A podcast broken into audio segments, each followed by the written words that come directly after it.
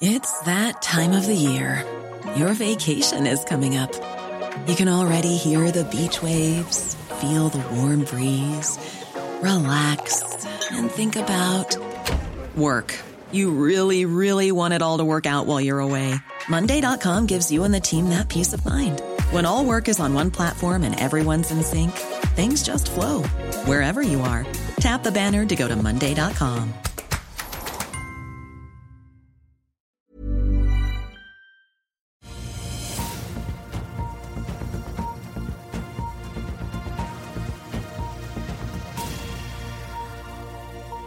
En riktig god torsdagsmorgen alle sammen, og velkommen til Børsmorgen her hos oss i Finansavisen. Mitt navn er Marius Lorentzen, sammen med Karl Johan Målnes på plass her på Smestadammen i Oslo på denne 14. september.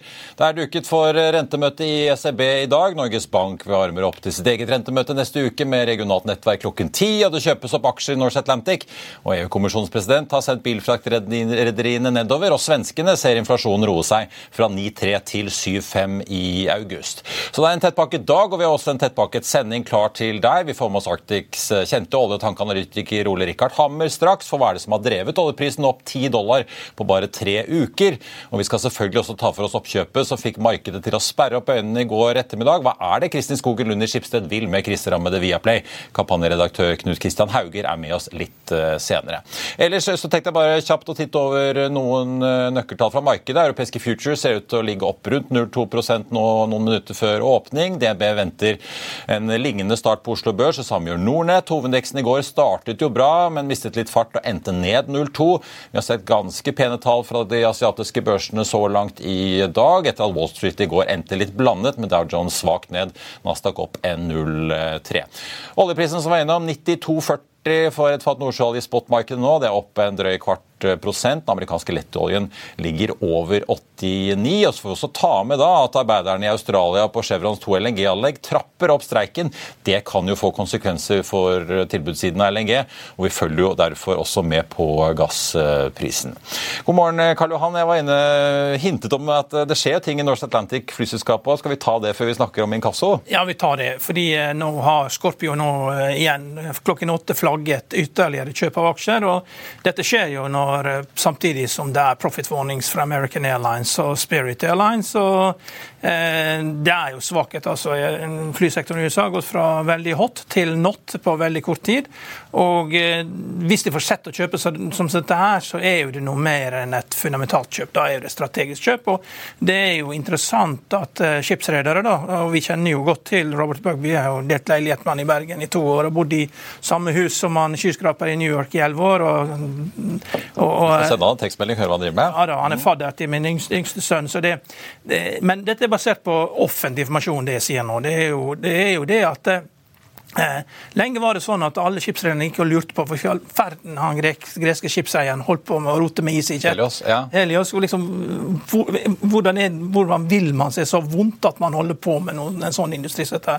Men nå har John Fredriksen blitt største aksjonær i Norwegian, og da er det plutselig kult å være største aksjonær i Norse for, eh, for Scorpio. Da. Og det er, jo, det, er jo, det er jo New York-investorer, selv om at familien kommer fra Genova og de har kontor i Monaco. så det er det er New York de sitter. Kontoret, kontoret er eh, nærheten av Lexington Avenue, eh, mellom Lexington og Park. Så, så, så de, det er der de sitter. Og, og, eh, de ser at Jon Fredriksen kjøper opp. Og, og, selv om at de sier at de liker veldig godt eh, konsernsjefen i Norse Atlantic, så det er jo ikke umulig at dette her er begynnelsen på at Norwegian kjøper opp Norse i en eller annen sammenheng. For Norse trenger jo penger, og de har penger. De har tjent veldig godt, de driver med produkttank.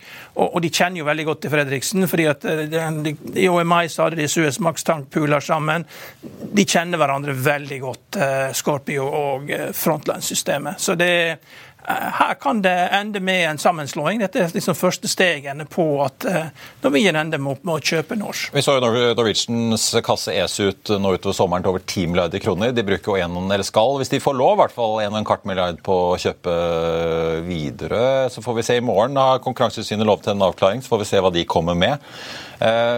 Men likevel, det er jo eierskapsbegrensninger på flyselskaper både i Europa og USA. Da, så litt avhengig av hvem som kjøper her, så er det jo ikke bare å kjøpe uten at det kan få konsekvenser for om Norse Atlantic skal være et europeisk selskap som flyr til USA, eller vice versa? Det er riktig. Det er derfor at de ikke de, kan ikke, de, de kommer ikke til å ta over et selskap her alene. Altså de, de, kjøper en strategisk post, og eh, det er jo veldig bra for Norse. Når de neste gang de trenger penger, så kan de gå dit for å hente penger. For alle som har drevet med produkttank i det siste året, har tjent veldig godt med penger. Vi får nevne Bjørn Tore Larsen var var med i sendingen fra Arendalsuken. Sa at eh, estimatene deres tilsier at de ikke trenger påfyll av penger nå, i hvert fall gjennom vinteren. Men eh, det betyr jo ikke at de ikke tenker på langsiktige strategiske muligheter. Vi får se. Ja. Skal vi snakke litt kort om inkasso? fordi Du skriver jo om Intrum i dagens avis. Jeg tenkte bare Før vi snakker oljeprismor, så må vi bare nevne det. Ja. For her er det De skrur igjen utbyttekranen, inkassoselskapet? Ja, det er og tar det helt ned til null utbytte. Men det er jo for at de ikke får finansiering i markedet. Altså, Exator, eh, Fredriksens selskap, var ute med å hente et usikra lån var vel 13, mellom 13 og 14 eh, for noen uker siden. og De får ikke penger fra markedet. og De, de, de har havna i luksusfellen.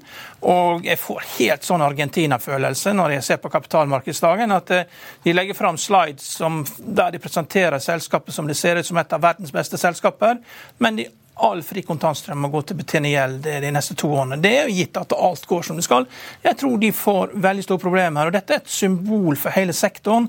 Jeg tror det er digitalisering. De, de nevnte noe om at de store telefonselskapene, mobiltelefonselskapene klarer nå mye enklere å drive inn de største kravene sjøl. Altså, hele sektoren er i endring, og det er jo ikke så rart. Ikke Før så kunne du risikere at du fikk en regning som sendte deg på ferie, så dro du på ferie i fire uker, og så fikk du krav for du har ikke betalt regningen. Sånne ting som dette her er jo borte og reguleringer, digitalisering. så jeg tror denne sektoren her må bli rett og slett mye mye mindre. Du kan ikke ligge og ha 60 milliard kroner i porteføljer som du skal drive og prøve å melke. Altså, man kan lure på hvor det har blitt av pengene. Altså, hvor har det blitt av disse pengene? Det, det virker veldig rart. Og, og, det er ikke noe nytt at Intrum ikke har kontroll over dataene sine. Dette har vært et problem i 15 år. Og, og eh, det hjelper ikke med kunstig intelligens hvis du ikke har kvalitet på dataene.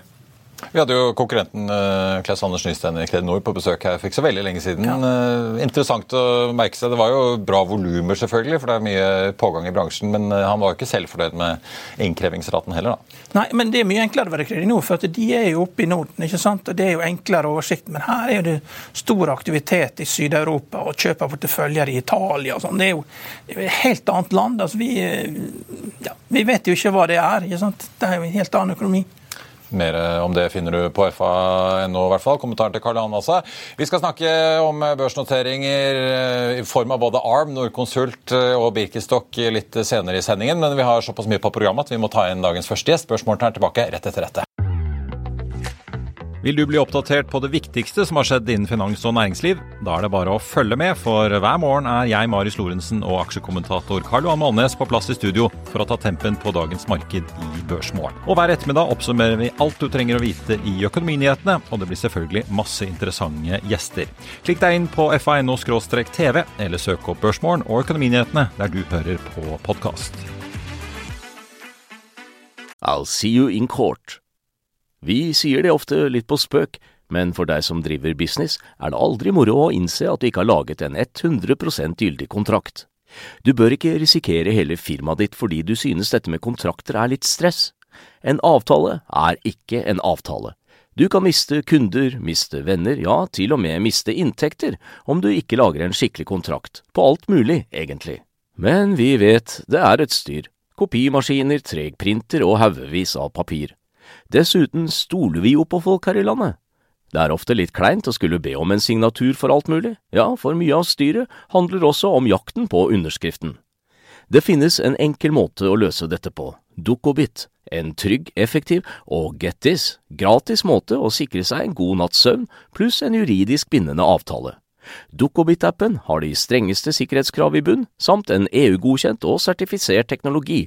Framover vil det bli behagelig å spørre du, skal vi skrive under på det, eller? Kom i gang på dokobit.no.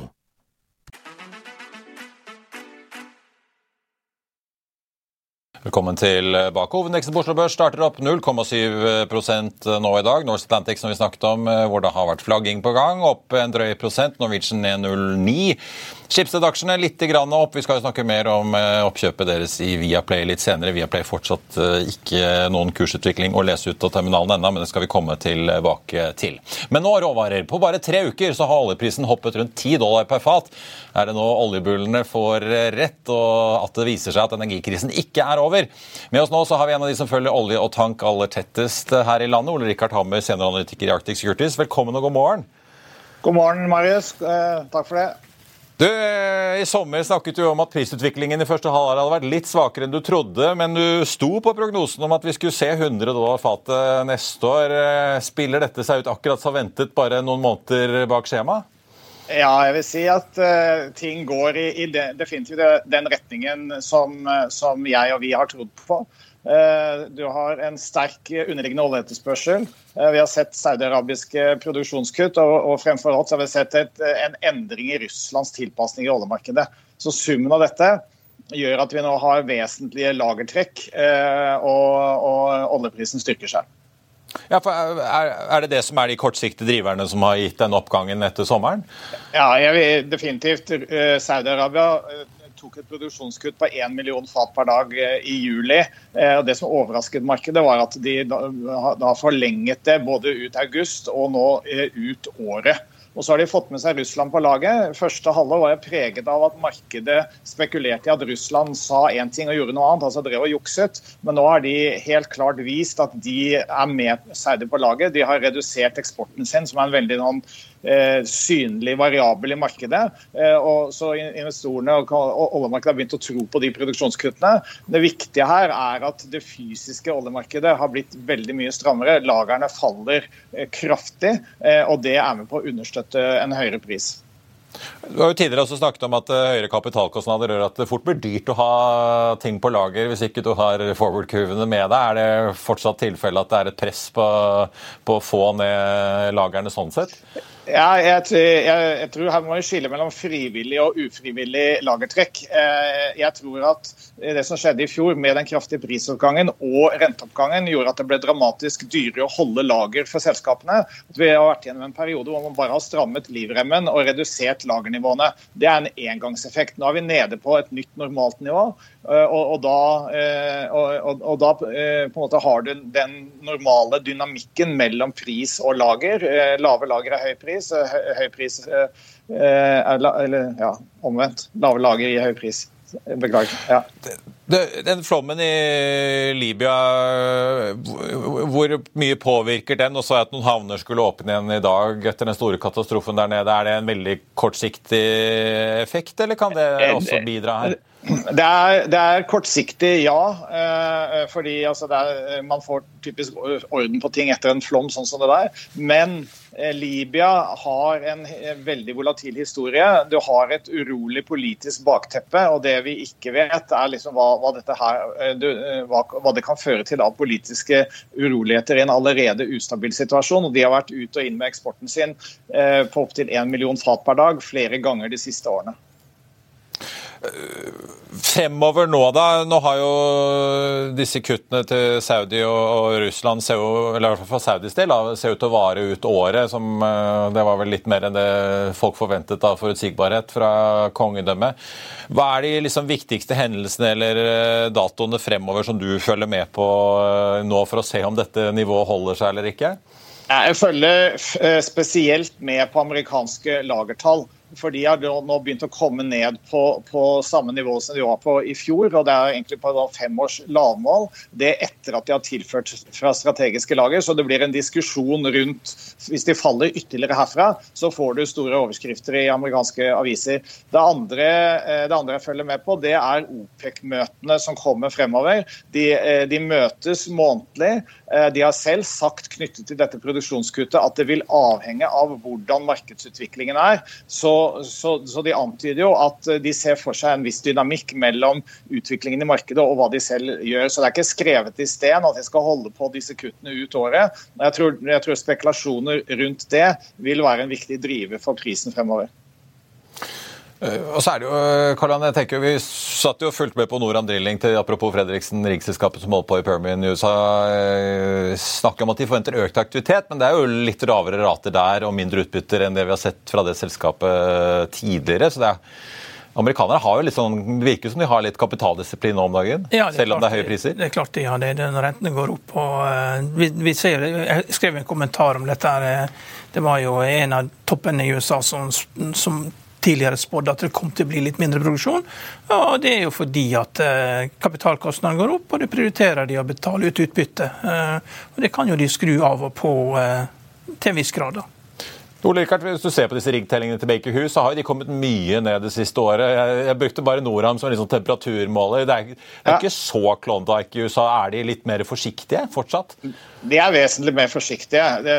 Shale 2.0, for å kalle det det, er et helt annet uh, oppsett enn en det som var i første runde, hvor du hadde mange små selskaper og ekstremt god uh, kapital, kapitaltilgang, og alt handlet om vekst. Nå har de gått konk i to runder og byttet ut egentlig hele aksjonærteamet og, og, og, har en helt annen tilnærming til det her. Og det går på kapitaldisiplin.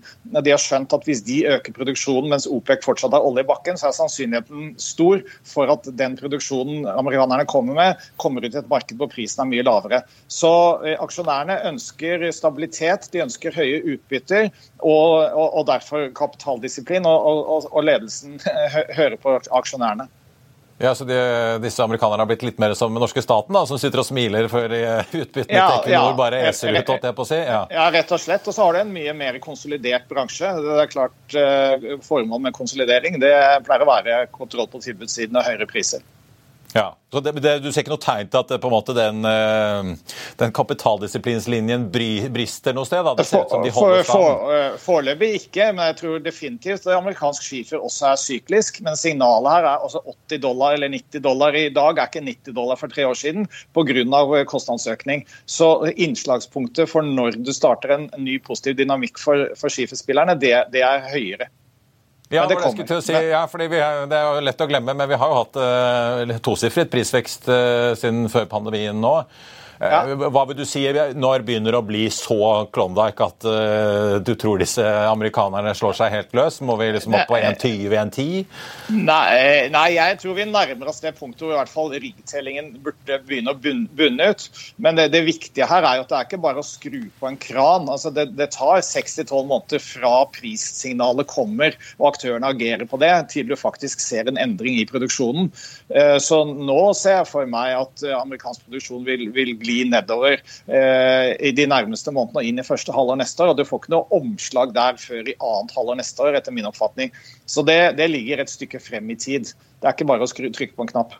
Men jeg tror innslagspunktet for at de, de begynner å, å, i hvert fall stabilisere seg og begynner å gjøre noe, det, det tror jeg nærmer seg. Så får vi se.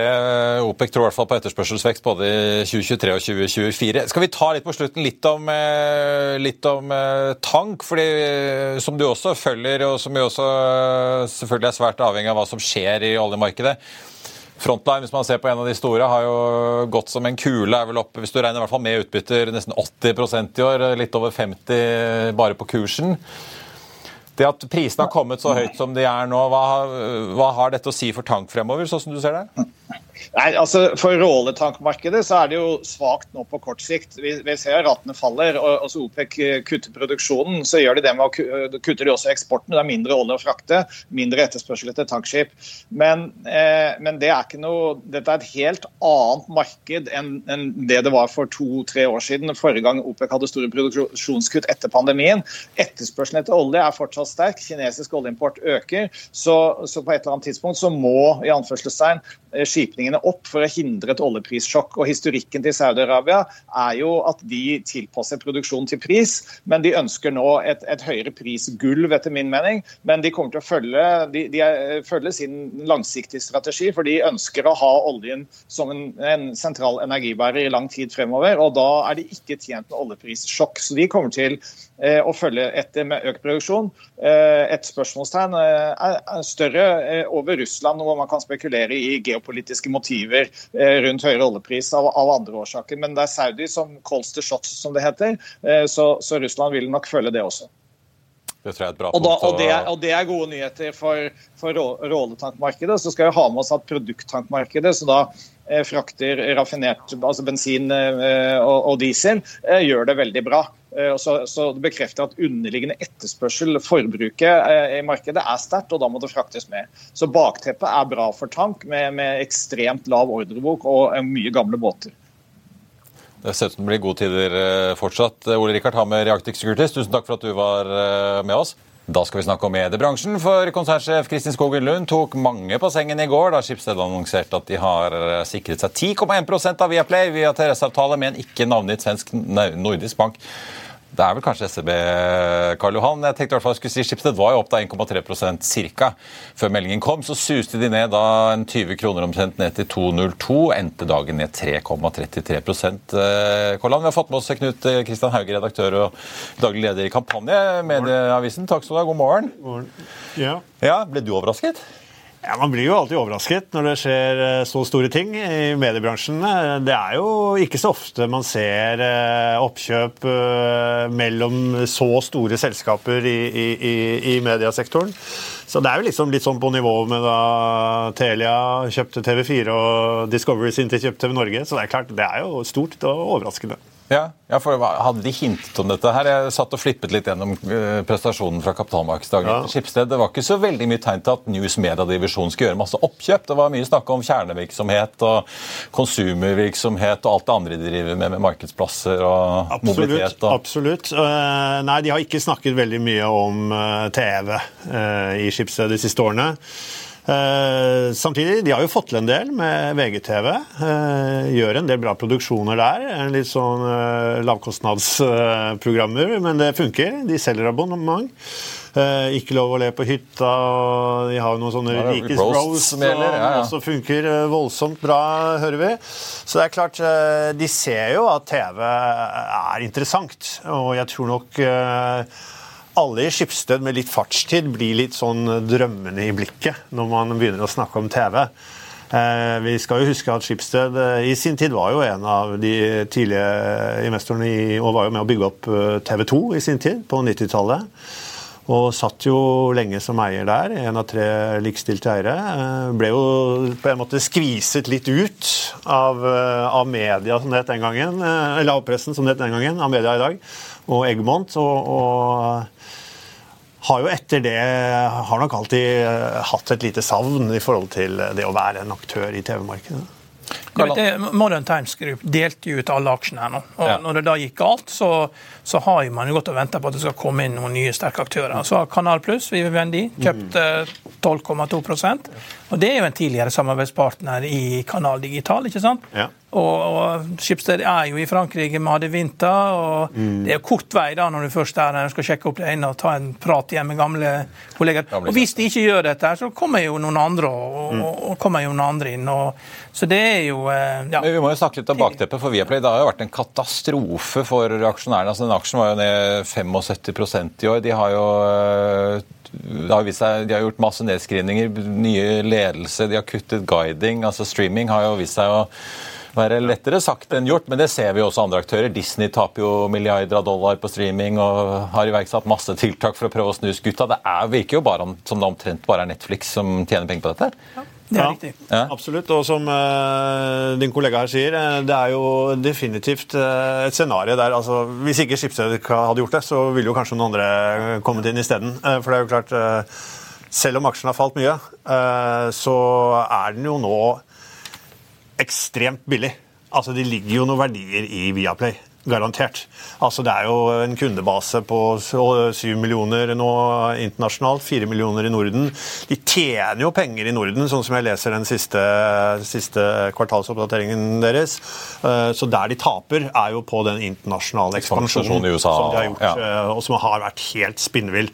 Så kan man diskutere hvordan i all verden har eh, den forrige konsernsjefen fått lov til å holde på sånn, men, men det er klart, det har jo kollapset. Og så selvfølgelig klart klarte man ikke da å finansiere den internasjonale ekspansjonen med de pengene man tjente i Norden. Så Norden har jo alltid vært et godt marked for Viaplay og Modern Times Group. Så, så det er klart, eh, om dette er dyrt eller billig for å få en inngangsbillett eller et startnummer til et eller annet stort som kan skje. Det, det får man jo vurdere, da. Men nå er nå i hvert fall Schibsted påmeldt i det racet der. Og i noe som kanskje blir en form for sånn mediebransjens eh, Norwegian ja, jeg, skulle, jeg, jeg, tenkte på Norwegian ja, når du sa at det går egentlig bra i Norden når denne internasjonale ekspansjonen som er så dyr som man ikke klarte å finansiere ja. lenger. Men i børsmeldingen i går, Skogen Lund og Skipsted altså, de snakker jo om at nei, Skipsted satser ofte i usikre tider, og, men det var ikke noe sånn veldig klar beskjed om hva de har tenkt å gjøre med dette, annet enn at de som en eh, hva var de kalte det, finansielt ansvarlig aksjonær skulle bidra til verdiskapningen i Viaplay? Ja, men det er, jo er det liksom, er det en fusjon med VGTV de ser for seg? Her? Nei, nei, nei. Det er jo, når det er krise, så er jo det alle kort er på bordet. ikke sant? Og Da er det muligheter for å gjøre ting. Du bør jo kanskje senke prisen på de Viaplay-abonnementene, fordi det samme abonnementet i Nederland koster mye mindre. og det, det er mange grep som de kan gjøre eh, for å få dette riktig. Da. Men det er jo en trend ute også, at eh, streaming sliter. Netflix var på en konferanse i går, aksjen var ned med 5 Selv de sliter med annonser. Vi har hatt en konflikt mellom Disney og Charter.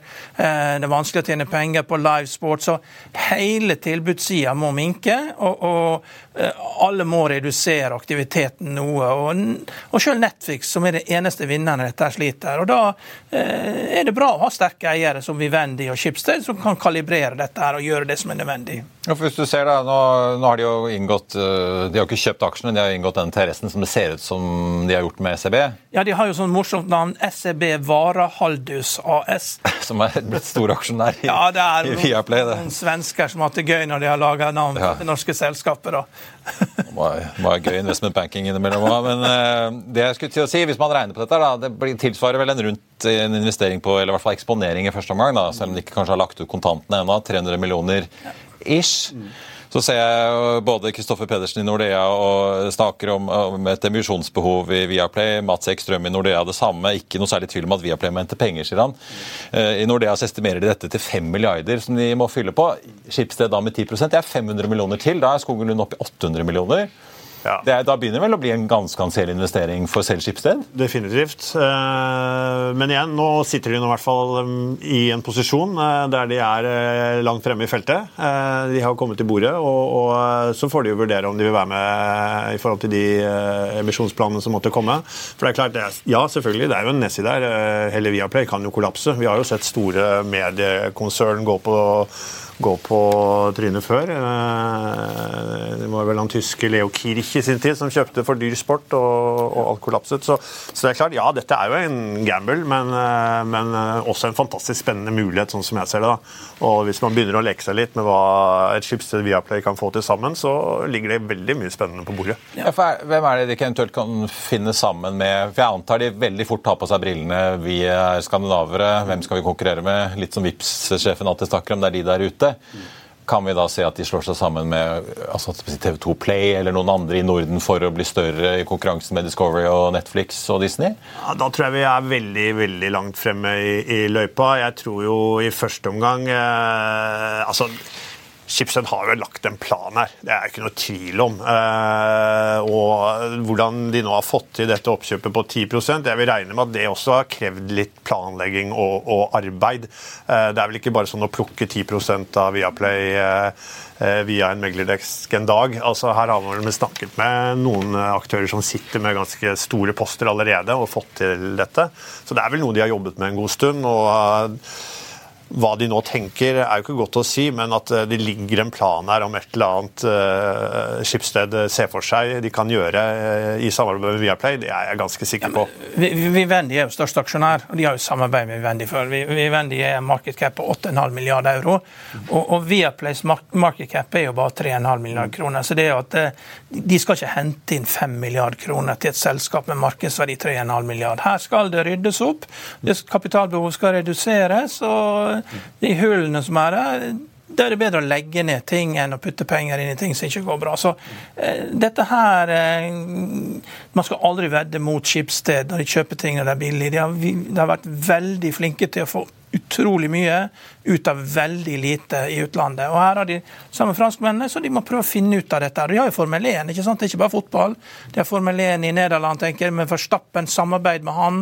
Eh, og Nederlenderne er jo helt crazy etter det. Og, så her må, det, her må man Og Formel 1 blir jo bare større og større. Og det, så man må liksom bare prøve å finne ut eh, eh de delene som er der. Og dette kan de, og da får vi se hvordan det går. og De kommer jo til å putte inn så lite kapital som mulig. og Fem milliarder er det garantert garantert ikke som går inn med en gang.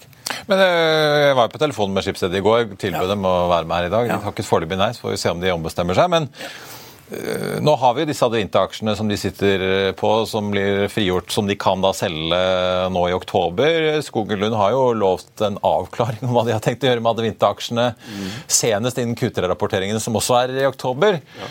Men er dette et tegn på at de, de, nå jobber med noe nytt å drive med, eller et nytt ben å stå på. Hvis da Adevinta og den internasjonale markedsplassdivisjonen kanskje nå forsvinner ut, ok, så sitter de igjen med Finn og, og Blokket i Sverige og selvfølgelig en del ting her i Norden, men de, de vil ha mer? Ja, og det virker jo ikke akkurat som Skipsted eh, har en veldig tynn lommebok eh, for tiden. Eh, og Særlig ikke hvis de nå skal frigjøre en del kapital gjennom ytterligere salg av Adevinta-aksjer. Så er det jo klart, de må jo få disse pengene i spill på en måte. Og, og sammenlignet med mye av det de har gjort av litt sånn mindre sånne venture-investeringer, så syns jeg jo faktisk det kjøpet her da gir mening litt sånn industrielt, eh, og i forhold til faktisk hva Skipsted driver med, og hvor de kommer fra. Eh, så ja, helt klart. Eh, de ser nok definitivt De nok, har nok vært på jakt etter en vei inn i dette nye TV-markedet. Dette digitale liksom. TV-markedet. At ikke VGTV og det de har bare, ellers i systemet er nok. Bare tenk den digitale distribusjonskraften da, VG og, og Aftonbladet har i, i, uh, i, Norge og Sverige. altså å vise frem Viaplay-innhold, Formel 1 ble nevnt, eh, Premier League Haaland. Eh, ja, Haaland-dokumentar. Altså Få vise frem det på forsiden av disse to nettavisene, og ett klikk, så er du inne i butikken til Viaplay. Altså det er jo Og andre veien, da. Billige VGTV-produksjoner ut på Viaplay. Digital annonsering, bundle, produkter, abonnement. Lyd.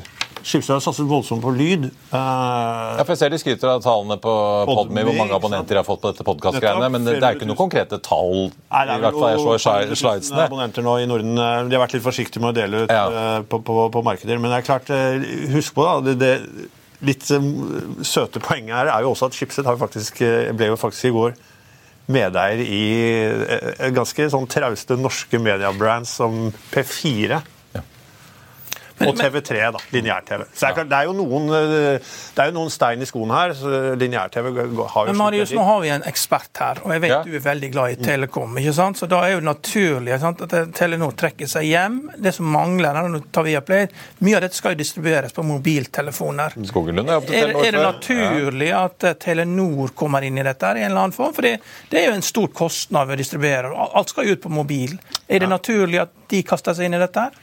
Vil de kunne tjene penger på det, eller har de brent seg, og, og dette her er ikke noe for de, tror du?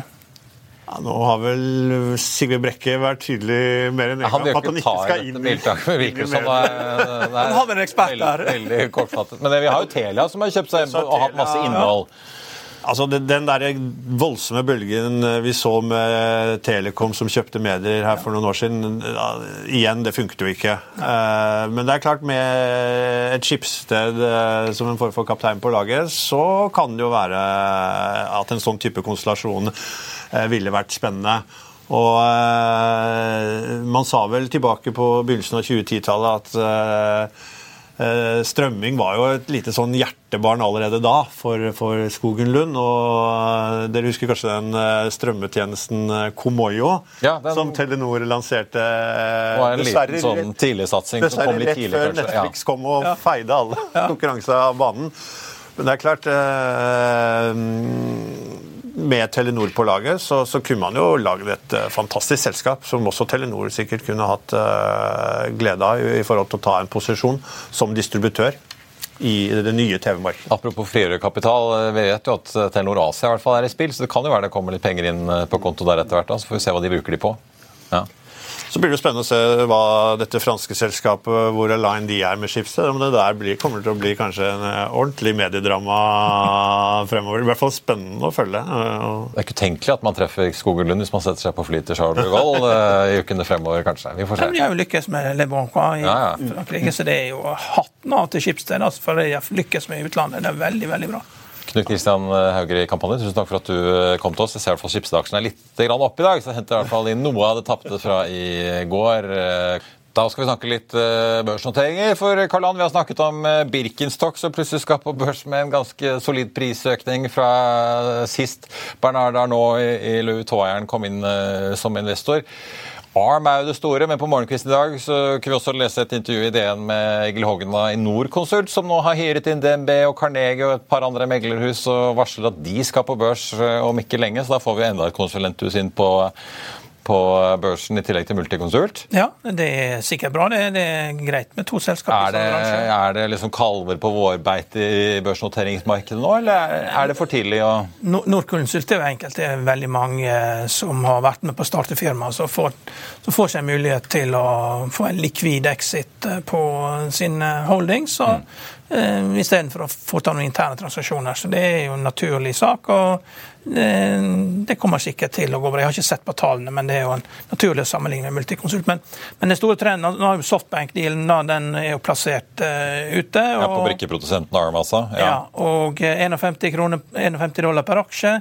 Softbank eier fortsatt 90% og det er klart her har jo Nvidia da, de eh, fikk jo ikke lov å kjøpe dette for 40 milliarder dollar, og prisingen her er jo 55 milliarder dollar. Da. Så det er ikke noe sånn løp og kjøp for retail, fordi, men de, største aksjonærene, altså de største kundene til eh, ARM, da, som Intel, Apple, Nvidia, Samsung og Taiwan Semi, de har fått aksjer for 700 millioner dollar fordelt. og De vil nok passe på at eh, aksjene i, i selskapet eh, i ARM ikke havner på de feile hendene, etter hvert som Softbank selger seg ned da, fra 90% Men det som For er alle de store bakket jo på døren her og, og tegnet seg. liksom Nvidia, AMD, Intel, Apple, Google og Samsung. Men det jeg plukka opp i, i går, det er at det er åtte store spin-offs på vei eh, til børsen i USA eh, i løpet av oktober. Så det betyr to per uke ca.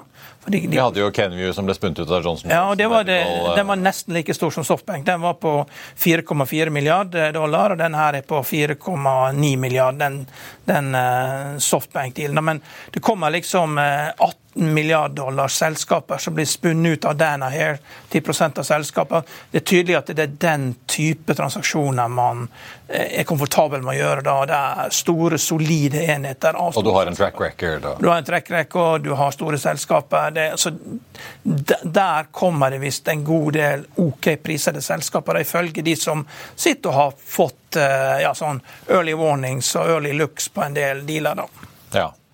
Så det er eh, Det, det, det, det tegner tint litt, i hvert fall kan vi kanskje konkludere det på IPO-markedet. Ja, og så har vi jo at uh, vi fikk jo inflasjonstall, og oljeprisen tikker jo og går oppover. Så det, det er klart man, man trenger ikke å få noen sånn likviditetsevent i markedet. Det, er jo, eh, er, det, kan jo dukke opp stress i systemet. for at regionbanken i USA Det er jo ikke så, det er ikke så lett å være regionbank i dette markedet her. eh, Når, eh, når eh, kunden har null, på rente, null i, i rente, og du kan kjøpe statsobligasjoner, korte papirer til 5 Det tar ikke så lang tid Nei. før folk finner ut av dette. her, så Det er ubalanse der. Så ikke renten kommer raskt eh, ned, du får en nedgangskonjunktur, så får banksystemet problemer. Og Jamie Dimon var jo på konferanse tidligere i uka og sa han vil ikke kjøpe bankaksjer nå, for han ser det problemer.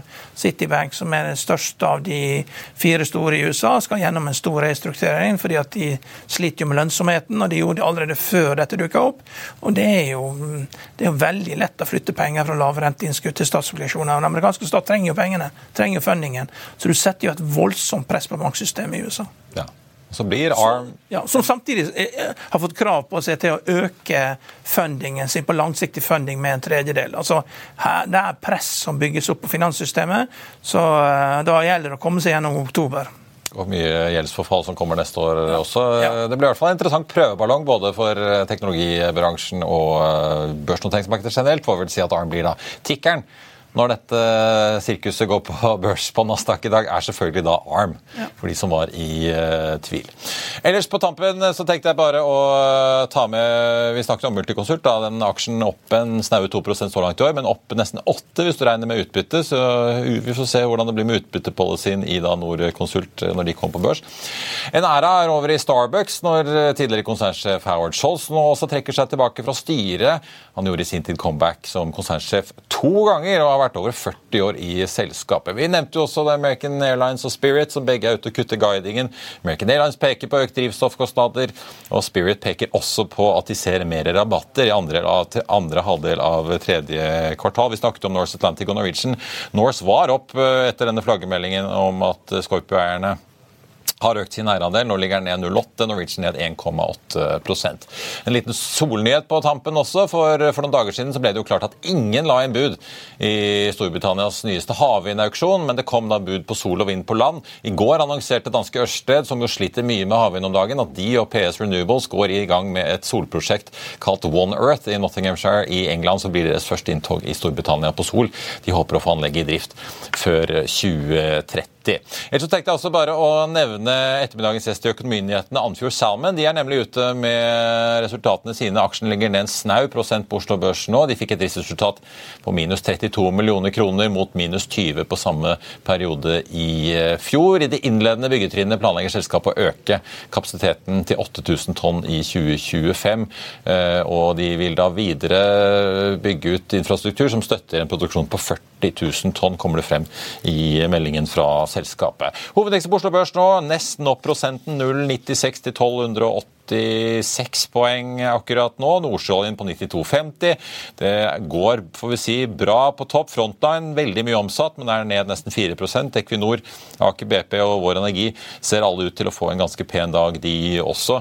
Det renner jo inn med penger med oljepriser på disse nivåene her. Ellers rundt oss i Europa er det stort sett grønt i dag, med unntak av børsen i Frankfurt, som starter litt ned.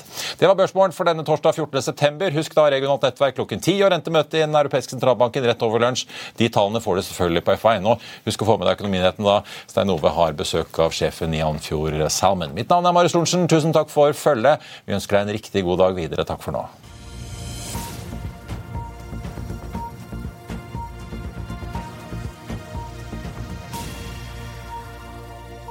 Økonominyhetene er en podkast fra Finansavisen. Programledere er Marius Lorentzen, Stein Ove Haugen og Benedikte Storm Bamvik. Produsenter er Lars Brenden Skram og Bashar Johar. Og ansvarlig redaktør er Trygve Hegnar.